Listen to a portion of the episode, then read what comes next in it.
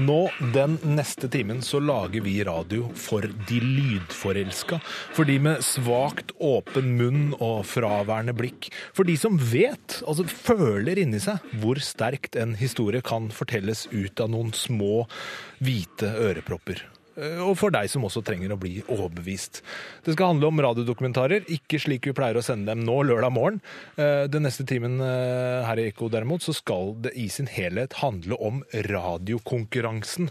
Kortdukk 2015, eh, der vinner og de beste bidragene nå er plukka ut i et arrangement denne foregående uka. Kjetil Saugestad, prosjektleder i radiodokumentaren, det var det vi hørte litt corny lyd fra her. Ja, det var uh, vår pauseunderholder eh, Daniel Bornstedt, eh, D9, beatboxer, som jo bruker stemmen sin til å fortelle mye rart uten ord. Så det passa veldig godt i en kortdokumentarforsamling. Ja, for det gjør jo også dokumentarer, kanskje. Nå er det iallfall du som lytter mulighet til å høre noen av årets favoritter. Aller først, uh, hva, hva, hva ble denne konkurransen for noe? Kortdokumentar er, en, eh, er et sånn etablert eh, format eh, i, i noen land. Danskene har holdt på et par år, og det er jo for å mm, spille på den økende entusiasmen som er ute i verden, også blant unge mennesker, fordi man kan dele lydfortellinger, rett og slett. eh, Og da er jo det å lage korte lyddokumentarer mye enklere enn å lage lange, kompliserte. Så det er et fint sted å starte, og litt sånn lavterskel, eh, gøy, kreativt eh, arbeid. Bra. Eh, Vi er ikke alene her i studio. Her sitter også Peter Daatland. Velkommen til deg. Tusen takk. Du er initiativtaker og høy og blid talsmann, syns jeg har sett deg i media, for radiodokumentarkollektivet Frekvens. Du er også jurymedlem i denne konkurransen, Kortdok 2015. Eh, Frekvens det er jo et eh, ungt og sterkt miljø blitt uh, Iallfall når man ser det opp mot det Saugestad representerer, ærverdige radiodokumentaren. Eh, hva mener du at eh, en sånn konkurranse har av verdi? Nei, nå har jeg jo liksom det, det siste året vært ute og jakta radiotalenter med en sånn håv. Eh, og det, det å da sette i gang en sånn konkurranse er jo som å sette opp et fluepapir på veggen, og så bare setter de seg der. Eh, og du, du kan gå bort og kikke på hvem, hvem er dette for noe. Med mikroskop? Ja. Anne Dorte Lunås. Hei. Hei, du jobber i P3-dokumentaren i NRK. Eh, også jurymedlem i denne konkurransen. Du har da erfaring med mye av den, den type tilfang, disse unge menneskene som har lagd det til Kortok eh, 2015.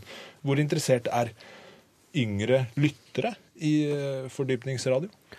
Unge folk hører definitivt på lengre ting og går inn i det de er interessert i, de òg. Men eh, å nå de aller yngste, de som er under 20, er vanskelig. Hvorfor det? Nei, de hører ikke på radio, og de er veldig selektive med hva de går inn i. Og det er stort sett utenlandske ting de oppsøker, da. Det er ganske vanskelig for dere, da, som da har en målgruppe mellom eh, 17 og 28, er det det dere? Vi er vel eh, veldig rå på de som er eh, over 25. Ja. Mm. Men eh, vi prøver jo så godt vi kan å lage ungt stoff på en bra måte. Eh, og sånn sett tenker vi at her ligger det masse rått, så det er bare å komme og oppdage det, da. Nå må vi høre lyd fra Kortdokk 2015. Vi skal høre en av dine favoritter først, eh, Anne Dorte. Eh, Skrotten og stiklingen, hva var det du falt for? Det er jo et universelt tema. Det handler om kjærlighet. Eh, og det som slo meg når jeg hørte på denne, og det sies jo også ganske eksplisitt i dokumentaren, er at eh, det ligger veldig mye makt i eh, hvordan vi blir fortalt at kjærligheten fungerer, eller hva det er, ganske tidlig i livet. Vi kan jo bare høre den først, snakke mer om det etterpå.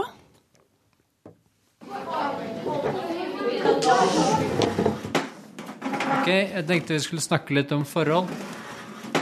Se for dere et eple. Hver gang du er sammen med noen, så får de med seg en bit av deg. Eplet, det blir mindre og mindre. Når du endelig møter den personen du har lyst til å gifte deg med, så rekker du ham hjertet ditt, det mest dyrebare du har. Så ser han ned på hendene dine. Der ligger det en epleskrott. I det miljøet jeg vokste opp i, brukte man ofte bilder og metaforer for å formidle verdier og ideer til oss barna. Ok, her har jeg en femtelapp. Vær så god. Vær så god. Vær så god. Hva er det som har skjedd med femtelappen nå? Jeg kan ikke bruke den. Nettopp. Den er bare verdt noe når den er hel. Hvis du sparer den, og så gir hele, er ikke det mye hyggeligere? Vi tok poenget. Et hjørne av en femtilapp var ubrukelig. Ingen vil ha en epleskrott.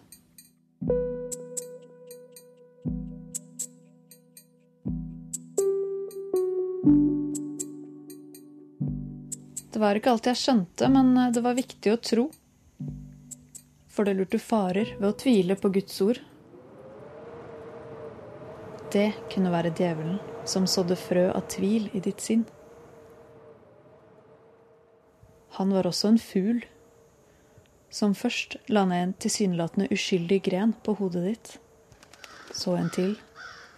Til slutt var det et helt rede. En bolig for det onde.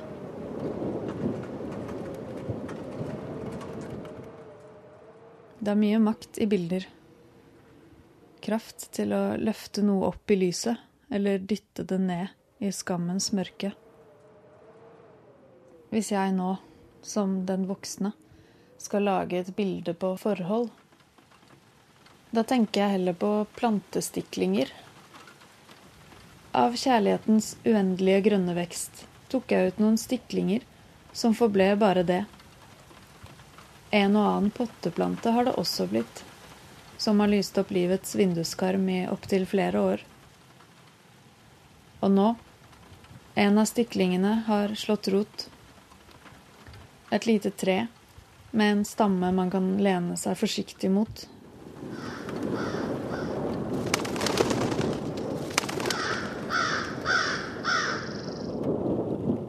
Var han her nå? Og plasserte den tanken i meg?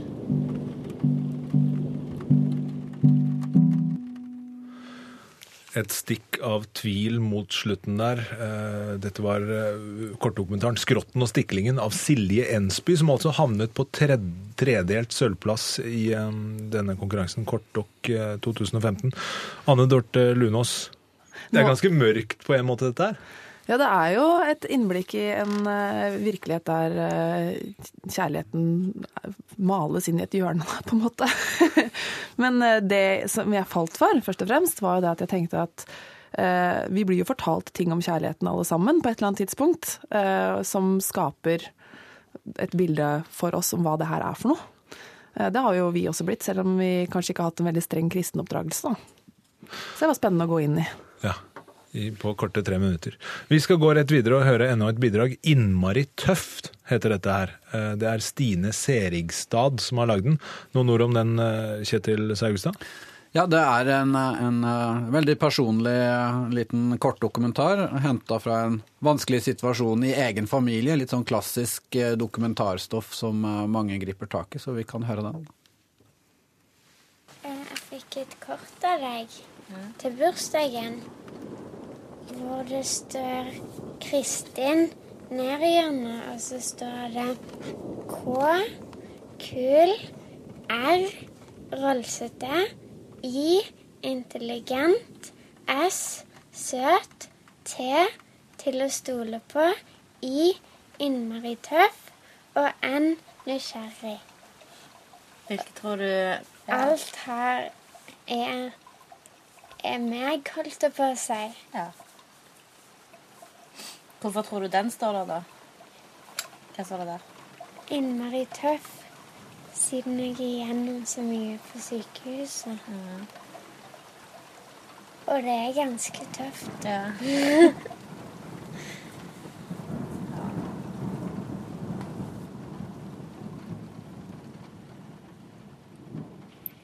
Jeg kaller Kristin for lillesøsteren min. Hvis det er søsteren min, men det er ikke det som er poenget mitt.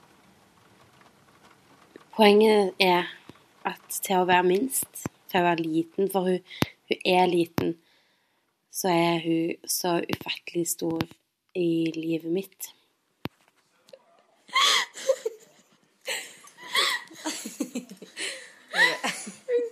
OK? Ja. Da er det, da. nå, må jeg konsentrere meg. Ja, Jeg må gå. Ja. Jeg har det mye bedre, og andre har det mye bedre hvis jeg ser positivt på ting, enn hvis jeg ser negativt på ting. Og når jeg får så mye negativt, så, så, så må du nesten se noe. Så liksom noe positivt i det. Jeg kunne fortalt den vanskeligste historien om Kristin. Den tøffeste. Den om hjernesvulst og cellegift. Om den 14 år gamle jenta uten hår og uten venninner. Men, eh, men hvis det er én ting som beskriver Kristin, så så er det dette. Stopp. Jeg skjønte hva du mente.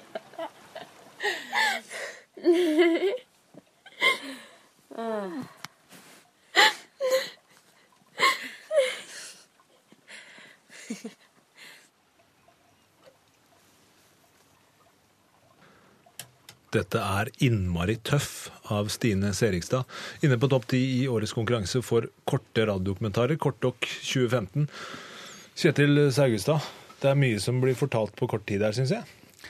Ja, men jeg tenker at uh, nettopp dette sånne korte formater skal overlate ganske mye til, til lytteren òg. Så det er en sånn liten Man åpner noen dører, og så får man dikte litt uh, videre. Så jeg liker veldig godt uh, nærheten og den personlige nærheten her. Mm. Ja, for jeg, jeg hørte gråt når jeg egentlig senere forsto at herregud, dette er jo latter. Eller er det begge deler? Eller? Det får, det får vi dikte videre på. Eh, Vi skal snakke litt om radiodokumentar som sjanger. Eh, I Ekko her så eh, lager vi eh, Veldig mange av våre reportere lager radioreportasjer på 25 minutter. Eh, Og så sier vi plutselig på lørdager eh, Nå kommer radiodokumentaren. Og da er det eh, 40 minutter. Men hva er forskjellen på en radioreportasje og en radiodokumentar? Kjetil Saugstad? Ja, det er mange som har forsøkt seg å definere det. F.eks. eksempel, eh, hvis man trekker parallellen til kunst. Da. Hvis noen stiller ut noe og sier det er kunst, så er det jo kunst. Og hvis noen lager en reportasje og sier det er en dokumentar, så er det en dokumentar. Men kanskje en ting jeg liker å si, er at en- en dokumentar er en eh, reportasje med ambisjoner.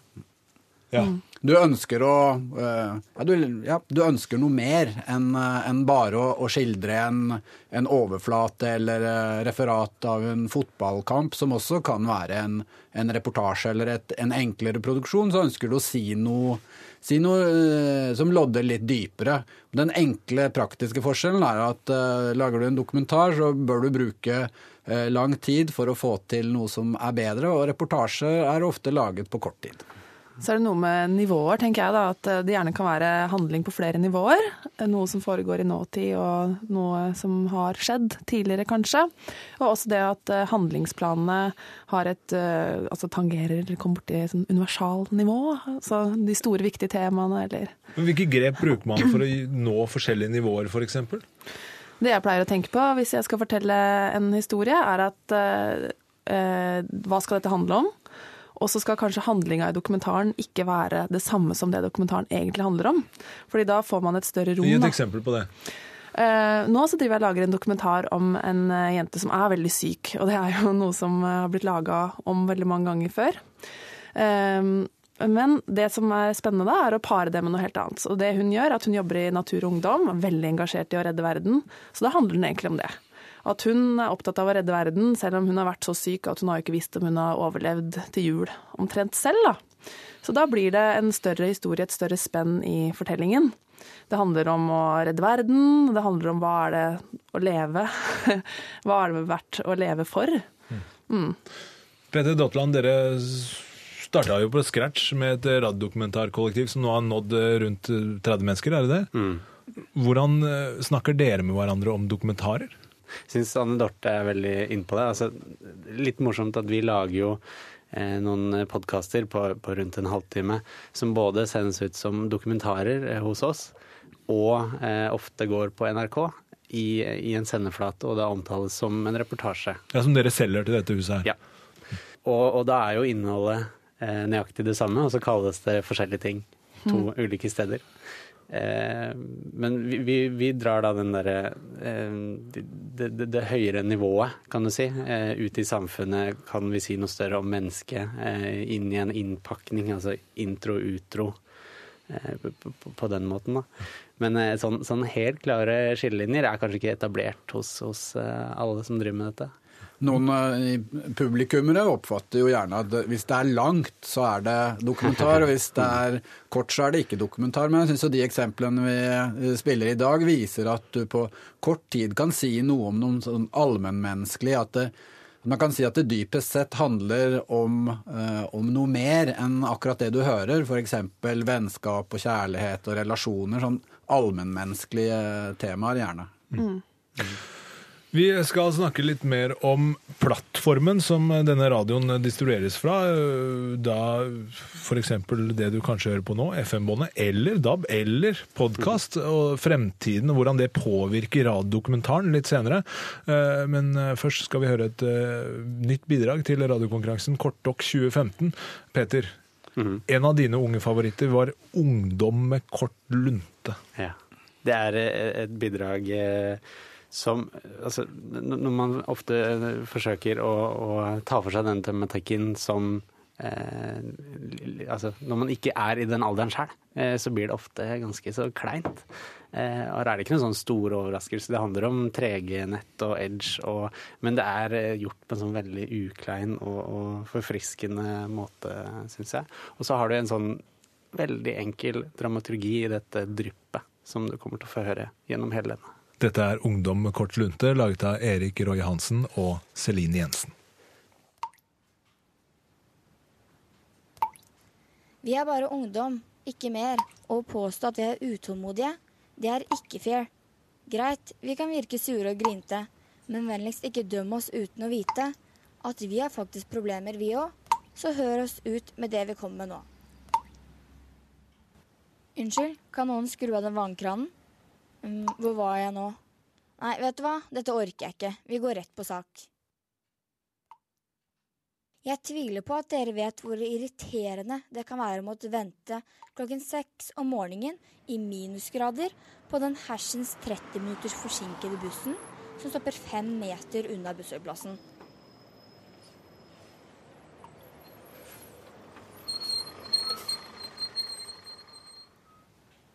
Eller hvordan det er å måtte vente et helt år på at en ny sesong av favorittserien din skal komme ut, og når noen er så dumme at de legger ut spoilers som ødelegger alt.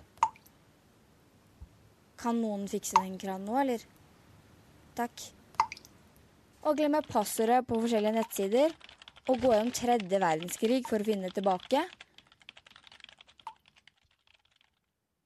Eller når man virkelig trenger 3G for å oppdatere statusen sin på Facebook fordi man er på Starbucks, og så får man opp drittnettverket Edge på mobilen.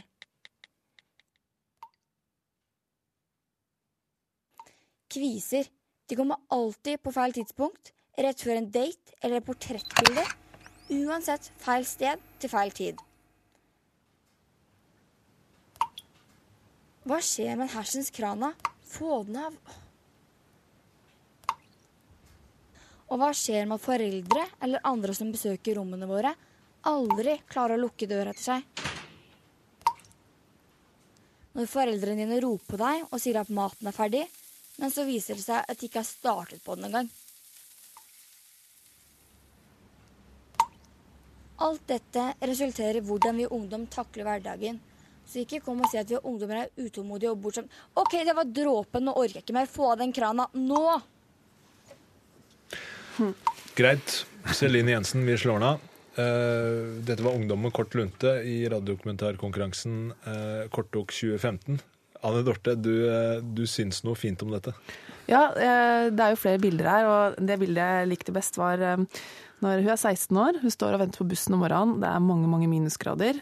Og jeg syns jeg har sett den jenta der mange ganger, da. eh, Stå og vente på bussen. Og det er jo egentlig en veldig sånn lukka person med det lange håret som henger ned og eh, det her er det som er på innsida, da, tenker jeg. Den frustrasjonen og det sinnet, det er inni den kroppen som jeg kanskje kjører forbi eller ser på bussholdeplassen om morgenen. Det er kanskje radiodokumentaren som format sitt sterkeste kort også, at vi får dykke inn i huet på folk. Ja. Og dikte med selv. Ja. Vi skal høre en kortdokumentar til. 'Reprise' heter den. Og du har eh, utbasunert, Peter, at dette er, dette er din favoritt. Ja, eh, det var noe Altså, jeg, satt helt aleine på kontoret mitt eh, og hørte gjennom bidragene. Og, kom til denne og opplevde dem som så utrolig genuin. Altså et eh, veldig sånn sterkt uttrykk for egne følelser, egentlig, fra, fra skaperens side her. Kan jo høre på den, så kan dere kjenne litt etter sjøl.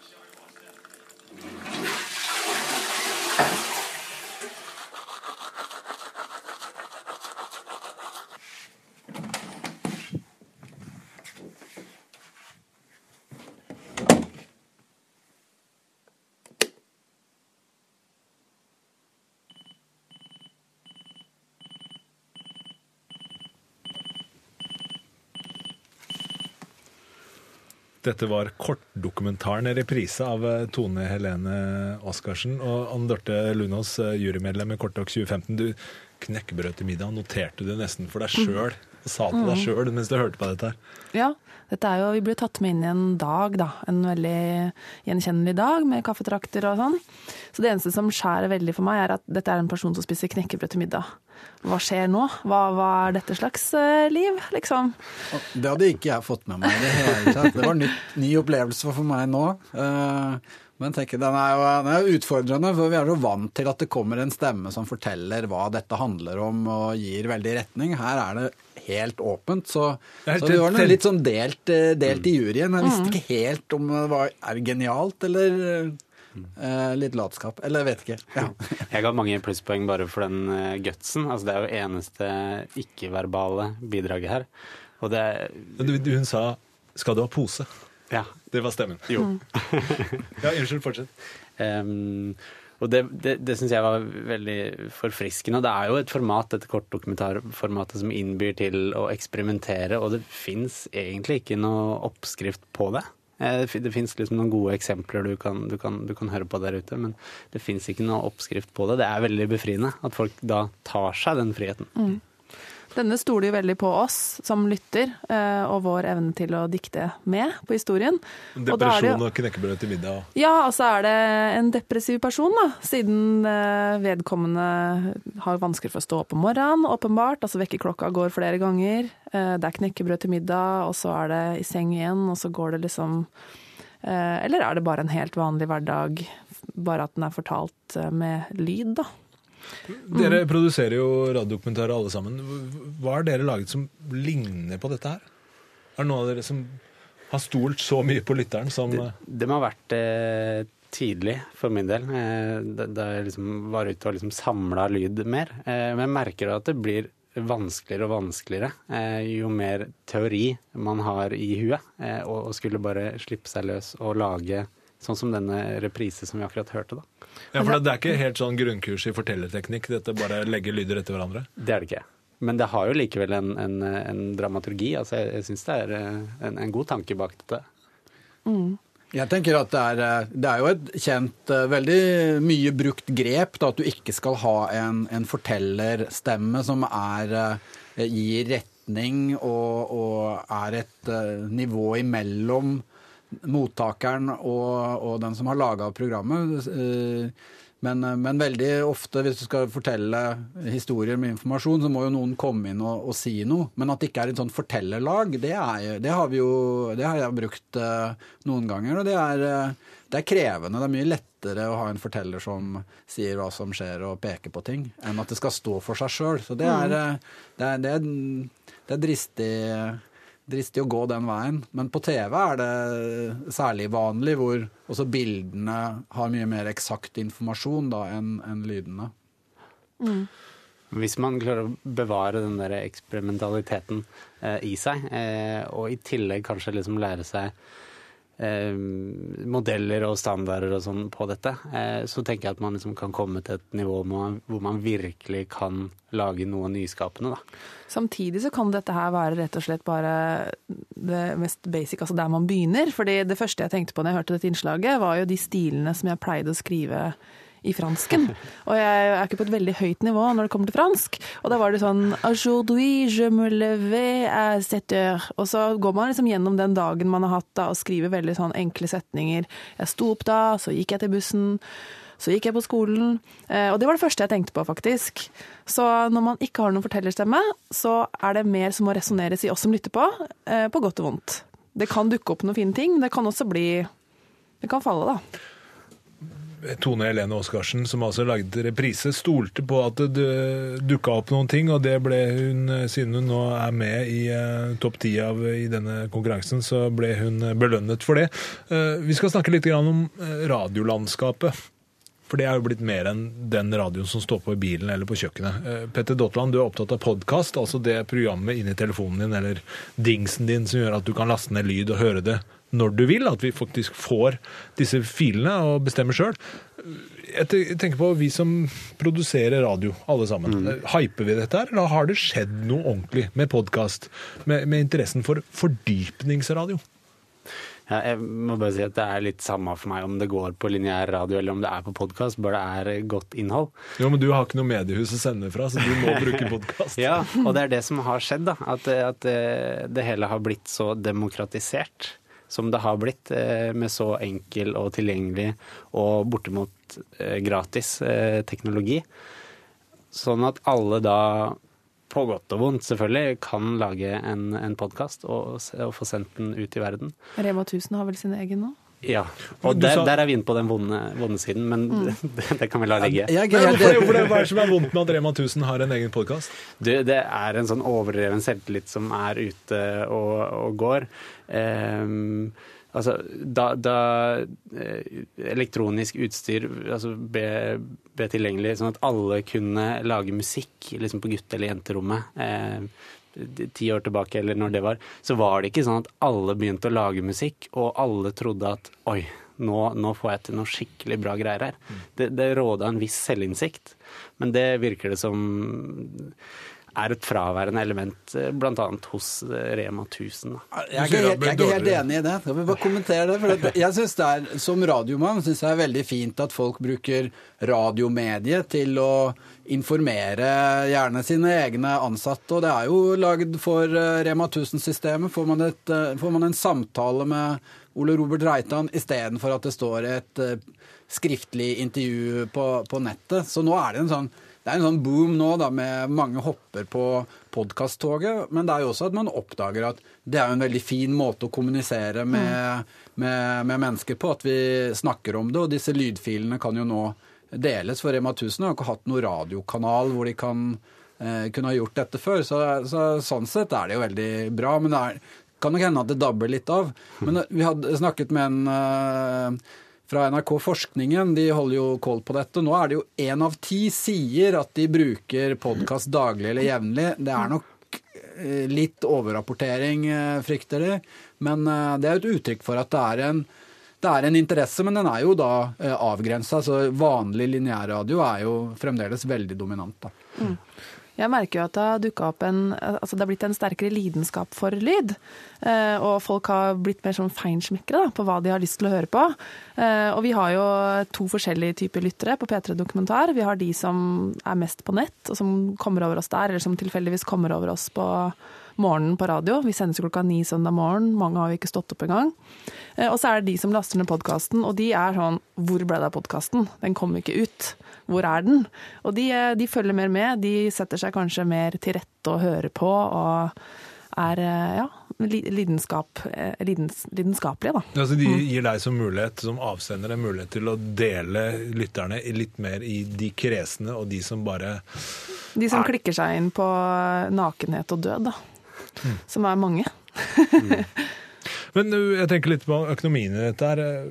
Petter, du driver jo et uavhengig byrå. Du selger litt til NRK, eller mm. vet ikke om det er litt eller mye, men iallfall så hvor, er, det, er annonsører interessant for dere?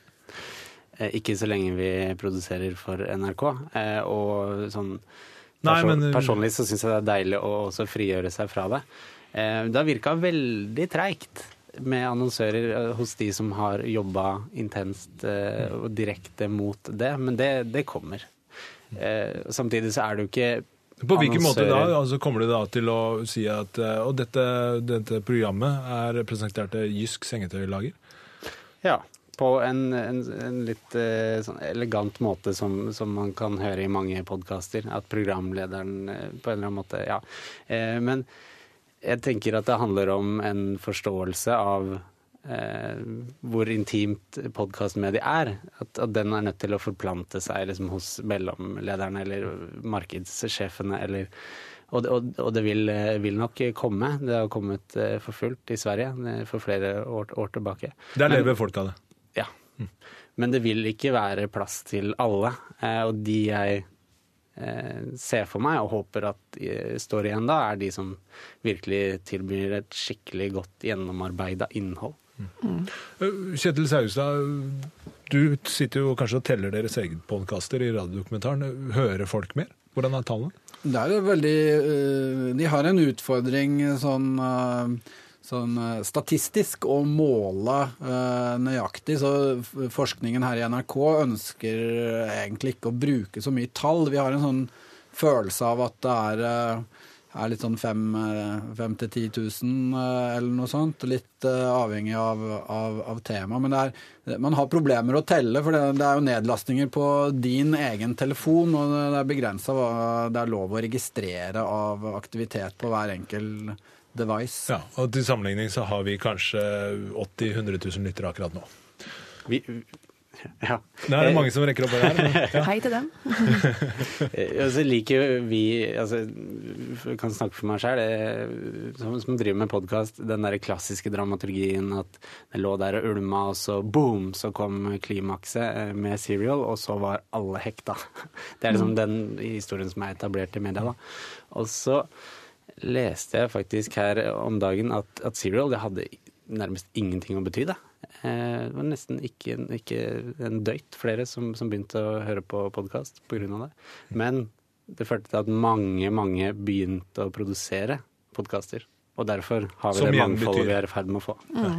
Det blir veldig spennende å se om uh, alle de podkastene som er starta opp av avishus og, og lignende, om det om det, om det, kommer til å dabbe av nå da, og bli litt sånn færre og mer kvalitetsorienterte uh, podkaster uh, fremover.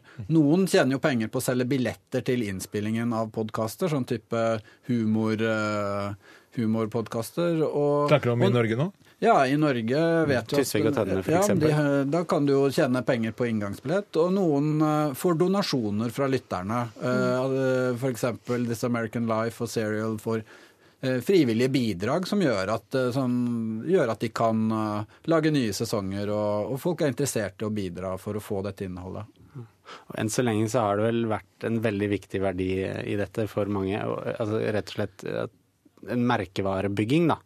Eh, på, på VG-huset eller, eller, hvor det nå enn er, for å bygge opp, opp huset. Og, og Pengene blir nok eh, viktigere, og der vil man jo se hvem som har stayerevne, da. Men, men, det er mange andre elementer, verdier, i dette også. Men det er jo veldig fint at eh, eh, flere har oppdaga at eh, radio er både lett å lage, og at den når veldig bredt. da. Det skal vi høre gode eksempler på nå. Vi går rett videre med bidrag som eh, i denne konkurransen Kortdokk 2015, som havnet på den tredelte sølvplassen. Anne Dorte, du rangerte innslaget Furry høyt opp. Hva vil du si om dette her? Det er jo et eh, innslag om eh, ung sårbarhet, det òg. Og de fleste i eh, den tida hvor man da skal finne ut hvem man er osv., vil vel kanskje ta på seg en eller annen form for maske, om det da er noe man gjør eh, som ikke syns så godt, eller om man faktisk da ikler seg en pelsdrakt, som eh, vi kan høre nå. En del folk eh, blir stående og stirre og lure på hva i all verden det her er. Og andre folk bort og ha, ha en klem, da. For det, det ser ut som et stort kosedyr egentlig når du går rundt i, i det her.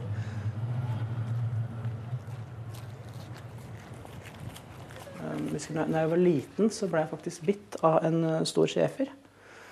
Og jeg var livredd eh, hunder ganske lenge, og jeg hadde mareritt da, om, om ulver. Og helt til jeg på en måte, i drømmen da, blei en ulv, kan du si. da. Så jeg begynte å søke opp eh, ja, diverse varulver av den type ting på, på nettet. Eller på liksom, uh, om jeg holdt på å bli gal eller hva, egentlig. Og det leda meg inn i, inn i sjamanisme og hele det spirituelle der, da. Og det igjen leda meg til, til furry-fandomen. Og jeg begynte å tegne diverse karakterer og figurer.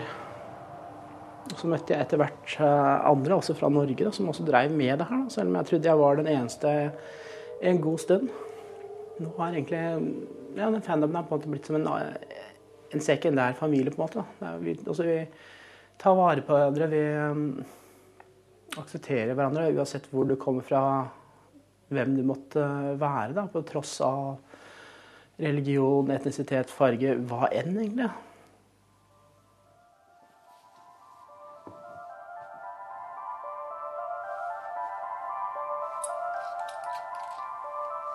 Nå fester jeg på halen.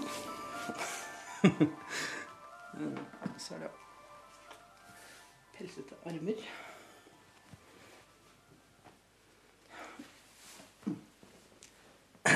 Så var det hodet. Det er liksom det som på en måte gjør karakteren. Sånn, og så poter. Og det, ja, det kan vel føles litt ut som å ha på seg en kjeledress, men den er da laget av pels. Jeg har jo også vært på, på rave-parties og, og den type ting, og sammenhengende rave-party i en uke, faktisk. Eh, Danse, ja, danse rundt i den eh, saken der hvor du har uh, diskolys, laser, røykemaskin og Det er Disneyland på syre, rett og slett. det er, uh, ja, det er sånn ubeskrivelig når du kommer inn, inn dit og du um, Du kan liksom ja, prate med hvem som helst, og du er liksom akseptert av alle, og du Alt er bare um, topp.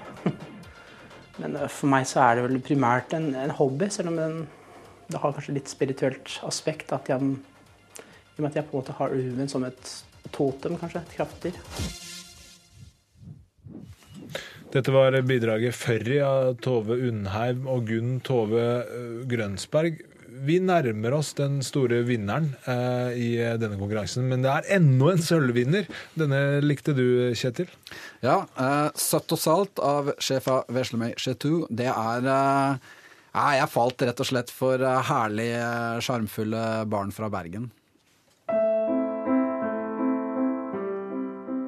Dette er en historie som handler om min ni år gamle nevø Enzo og hans beste venn August. Han er veldig gøy og oppfinnsom, og han liker veldig godt å gjøre lampestreker, sånn som meg. Har noen av dere opplevd å bli mobbet før, da? Ja. ja. På fotballen. Jeg har aldri sendt ballen til folk og litt sånn. Og de erter og de slår og sparker deg istedenfor ballen. Enzo og August går i fjerde klasse, men de har ikke alltid vært bestevenner. Vi pleide å hate hverandre i andre klasse når han kom til skolen. Ja, det er sant. Og hvis dere krangler, hvordan eh, ordner dere opp i det? Vi sier unnskyld, gir hverandre en klem, og så blir det ja, bra igjen. Så enkelt er det. Ja. Vi krangler en god del innimellom. Det har faktisk vært litt ekstra krangling i vennegjengen i det siste. Det hele begynte på halloween. Jeg hadde fått i oppdrag å følge Enzo, August og et par andre kamerater rundt i nabolaget. Det var selvfølgelig en våt, kald og mørk høstkveld. Med fire sortkledde og maskerte niåringer i spissen la vi oss ut på jakt etter snop.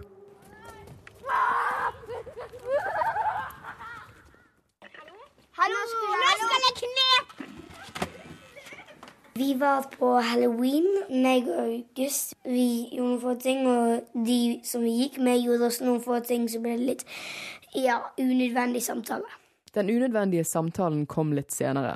Akkurat nå har Enzo og August klart å forsyne seg ganske så godt, og står med en hel bøtte full av søtsaker. Se, vi setter det oppi her. Se hva jeg fikk! Se hva jeg fikk! Dette er skjelettet lyser.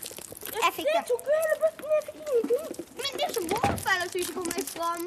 Dere får dele litt etterpå, men kom an, vi går videre. Det er bare meg og Gus som deler. Hvorfor kan ikke alle sammen kaste oppi én bunke når vi kommer? Vel, min er den største bøtten. Denne episoden ble da utgangspunktet for en større krangel mellom guttene. Tårer rant, og foreldre ble involvert. Min svake side av jeg kan innimellom bli litt sjefete noen ganger. Mamma tok alt min snop. Jeg hadde to poser. Min straff var sove i badekaret. Det var ikke hans straff. Han fikk ikke ha overnatting før bursdagen sin. Hans feil. Hans feil. Nei, din feil. Din feil. Din feil. Deres feil. Deres feil. Sykt feil. Ja, sykt deres feil. Alle voksne har jo vært barn før, sant? Ja. Men det er jo ikke alltid vi husker hvordan det var å være barn. Hva bør voksne vite om å være barn? At barn ikke alltid liker å følge regler. Jeg har en hemmelig stæsj, en svær hemmelig stæsj av snobber som er mor, som ikke hun vet om. Ikke si til moren min hvor han er. Søtt og salt av sjefa sjef av Veslemøy Skjetu. Eh, Vi får være med her, Kjetil Saugustad. Ja, jeg syns det er eh, herlig tilstedeværelse og en eh, en, et, eh, et barnedrama på deres premisser, så hun har åpenbart veldig god kontakt med, med kildene her. Og når du tenker på de fleste barneintervjuer du hører på radio er en eh, rad med ja- og nei-svar, så er dette herlig at de forteller eh, om noe de har opplevd. Det er nesten som man skulle ønske seg at man kunne ta deres verden Eller man kunne ta dem enda mer på alvor som kilder. Og hatt en, kunne man lagd en radiodokumentar med bare barn, f.eks.? Eller? Ja, men det er, det er vanskelig å jobbe eh, Vanskelig å få til en sånn kontakt, og her eh, er jo programskaperen i, i nær relasjon med, med kildene, så det er nok en, en, en nøkkel i så fall. Men det er jo en kul verden å være i, da. Man får jo lyst til å være i den verdenen der. I 40 minutter. Ja, eller Absolutt. Verdt å merke seg er at hvisking på radio, det er fantastisk. Ja, det er fint. En veldig fin punchline. Dere, dette Kortdukk 2015 er en konkurranse. Da rangerer man deltakerne, og så feirer man de beste. Og på onsdag så var en stor gjeng radiodokumentarentusiaster og bidragsytere samlet her på NRK Marienlyst i Oslo. Der skulle selvfølgelig en vinner kåres, eh, men det ble blant entusiastene i publikum også stemt fram en publikumsvinner. I dette øyeblikk så kommer vi til disse kåringene. Vi skal høre hvem som vant disse to klassene. Anne Dorte Lunås fra P3-dokumentaren og jurymedlem i Kortok 2015. Hva skjedde? Ja, vi var jo helt i takt med publikum. Og det er jo veldig fint for oss. For vi har jo sittet og liksom lytta konsentrert og mm, tatt poengscore på hver, både for form og innhold, og gjort en grundig juryjobb. Og publikum kom på onsdag og hørte disse innslagene for første gang. eh, Og de stemte akkurat det samme som oss. Den samme vinneren. Og det ble Siri Bråtveit sin albinokanin til middag. Vi hører den. Hei. Hei. Går det bra? Ja. Du, jeg har bare et spørsmål. Husker du kaninene vi hadde når vi var små? Hva husker du om dem? Uh, vi fikk de fra Vettrus. Og så hadde vi de i bur litt, grann, og så rømte de jo ikke. Ja, gjorde de det? Uh, eller så åt vi de. Jeg tror det var en gang vi hadde Enten så var det jase, eller så var det kanin til middag.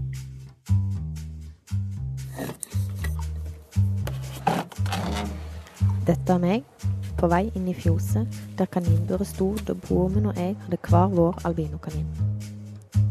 Det var en gang på 90-tallet det skjedde. At jeg kom opp i fjoset, men at buret var tomt. Jeg kom aldri til bunns i hva som skjedde den gangen. En nabo han sa vi hadde spist kaniner til middag en gang mor sa vi hadde kylling. Og etter det spor jeg ikke mer etter albinokaninene. Kan det virkelig være at jeg åt min egen kanin til middag?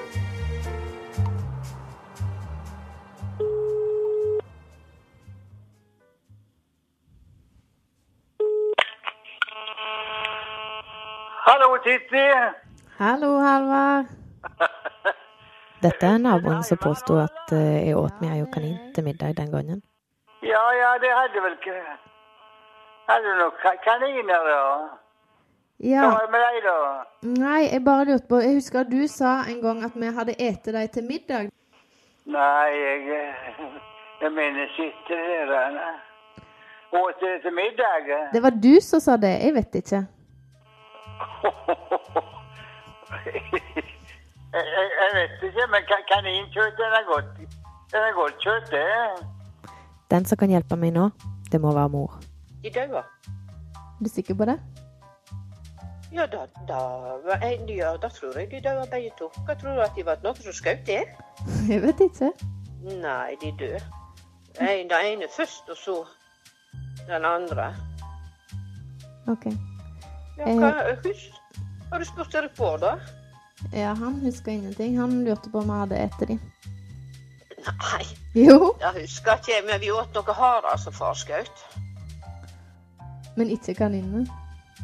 Nei, jeg tror ikke vi åt kanin. Minnes ikke jeg, men jeg husker kanskje det var snakk om å ete kanin. Kanskje, men det har jeg glemt. For Bjarne hadde spist kanin. Jeg har spist kanin når jeg var i Argentina. Her er juryen i Kortok eh, 2015 begeistra. Siri Bråtveit eh, vant altså denne konkurransen, både publikumsprisen og juryens pris med albinokanin til middag. Og dette er jo et eh, fam familiedrama. Anne Mm. Dorte Lunås, hva, var det du likte for noe? Eh, Jeg likte fortellerstilen, musikken, eh, og jeg likte altså historien. Det er en veldig god historie. Her har man muligens spist sin egen høyt elskede kanin. Eh, For et svik! Eh, Og så er det jo mange fantastiske karakterer. Altså, du har jo den her skjelmske naboen, som da har fortalt barna på nabogården at dere har spist deres egen kanin. Altså, hva slags type er det? Og så har du mora som åpenbart prøver å snakke det bort. eh, Og sier bare sånn Nei, jeg åt noe kanin i Argentina en gang. Og assosierer vilt. Eh, Nei, så det er mye på gang her. Det tok litt tid før jeg klarte å eh, slå meg til ro med den payoffen vi får. For det er jo fortsatt eh, et veldig vippete mysterium, dette. Når du sier payoff, sier du altså konklusjonen? Ja. Har de, har de spist kaninen eller ikke, rett og slett? Og det, det lurer jo i hvert fall jeg veldig på fortsatt. Og det gjør prisvinneren også. Hun kom ikke til bunns, og så dette er et uløst mysterium som får eh, fortsette å gnage på oss.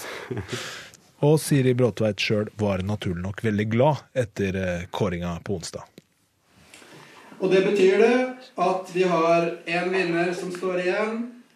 Det er albinokanin til middag. Siri Bråtveit. Og den diplomen er da en billett til eh, København. Som eh, Det blir arrangert nordisk kortdokfinale i april. Da skal du selvfølgelig få fly ned på vår regning og representere landet med albinokanin til middag.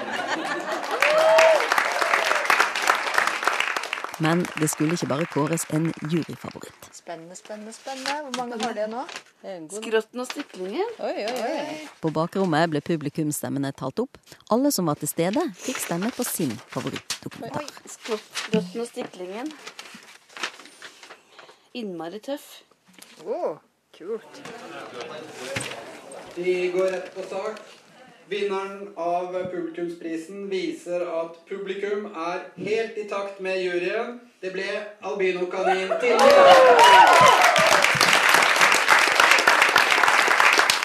Og prisvinner Siri Bråtveit var kledelig overveldet etter å ha vunnet begge prisene.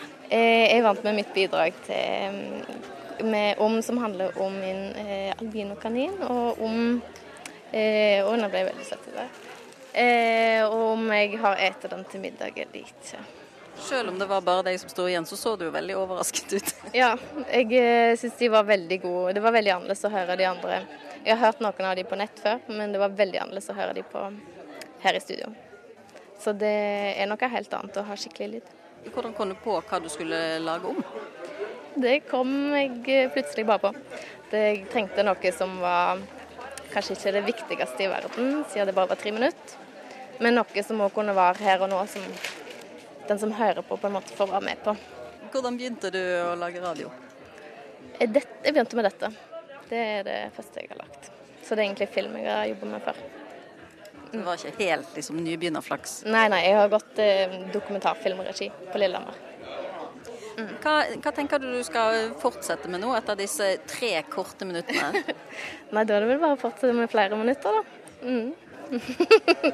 Får vi med den blomsten nå, eller greier du å holde den inne albumet, kanskje? Storesøsteren til prisvinneren var også på plass, knipset vilt med mobilen og har stor tro på Siri videre. Jeg ble utrolig euforisk og imponert når jeg hører, hører den lydfilen hun sendte til meg på en mørk novemberdag. Så det Hva, sto det, hva sa hun da når hun spurte om du kunne høre på? Nå så hadde lekt seg litt med ja, noen eh, lyd... Ja, det- ja noe, noe lyd, teknisk lydutstyr. Så den leken syns jeg var Ja, den tar jeg på alvor, for å si det sånn. Mm. Du ble ikke intervjuet, du har ikke spist kanin, du? Nei, jeg er blitt holdt utenfor dette. Mm. Jeg flyttet tidlig på hybel. så Sa altså søster til Siri Bråtveit, som altså skal representere Norge i årets nordiske kortdokumentarkonkurranse. Peter Dotland, Anne Dorte Lunås, Kjetil Saugestad, som altså har vært juryen i denne konkurransen. Eh, Før vi runder av her, hva er denne konkurransens fremtid, hvis dere ser inn i spåkula til neste år? Hun, hun sier det jo godt sjøl, at dette er første gang jeg har laga noe radio. Og det syns jeg er veldig godt, et veldig godt levegrunnlag for en sånn type konkurranse. Å dra flere folk inn i å produsere radio og lytte på radio er det vi alle vil. Ja, For dette kan man gjøre egentlig med telefonen sin, nærmest. Mm. Opptakeren på en vanlig iPhone eller Android-telefon er ganske god. Man kan det. For alle som har en historie å fortelle, så er jo radiomediet det er jo så mye mindre jobb for å få fortalt den historien. Hvis du skal begynne å lage TV, f.eks., må du ha så mange med deg, og det tar så mye tid, og filming og klipping og venting. Og... Mens radio er mye mer umiddelbart, da. Så jeg vil anbefale det på det sterkeste. At alle som har historier å fortelle. Og jeg tror at eh, vi allerede har bestemt oss for å arrangere en ny runde kortdokumentarkonkurranse, og syns at det var så gøy å samle unge og eldre entusiaster eh, rundt eh, dette arrangementet. Så det må vi absolutt fortsette med. Kan vi være med i den konkurransen, eller? Lykke til. Anne Dorte Lunås sist her fra P3 Dokumentar, Kjetil Saugestad fra radiodokumentaren her i P2 og Peter Daatland fra radiodokumentarkollektivet Frekvens. Tusen takk. Bare hyggelig. Bare hyggelig. En glede.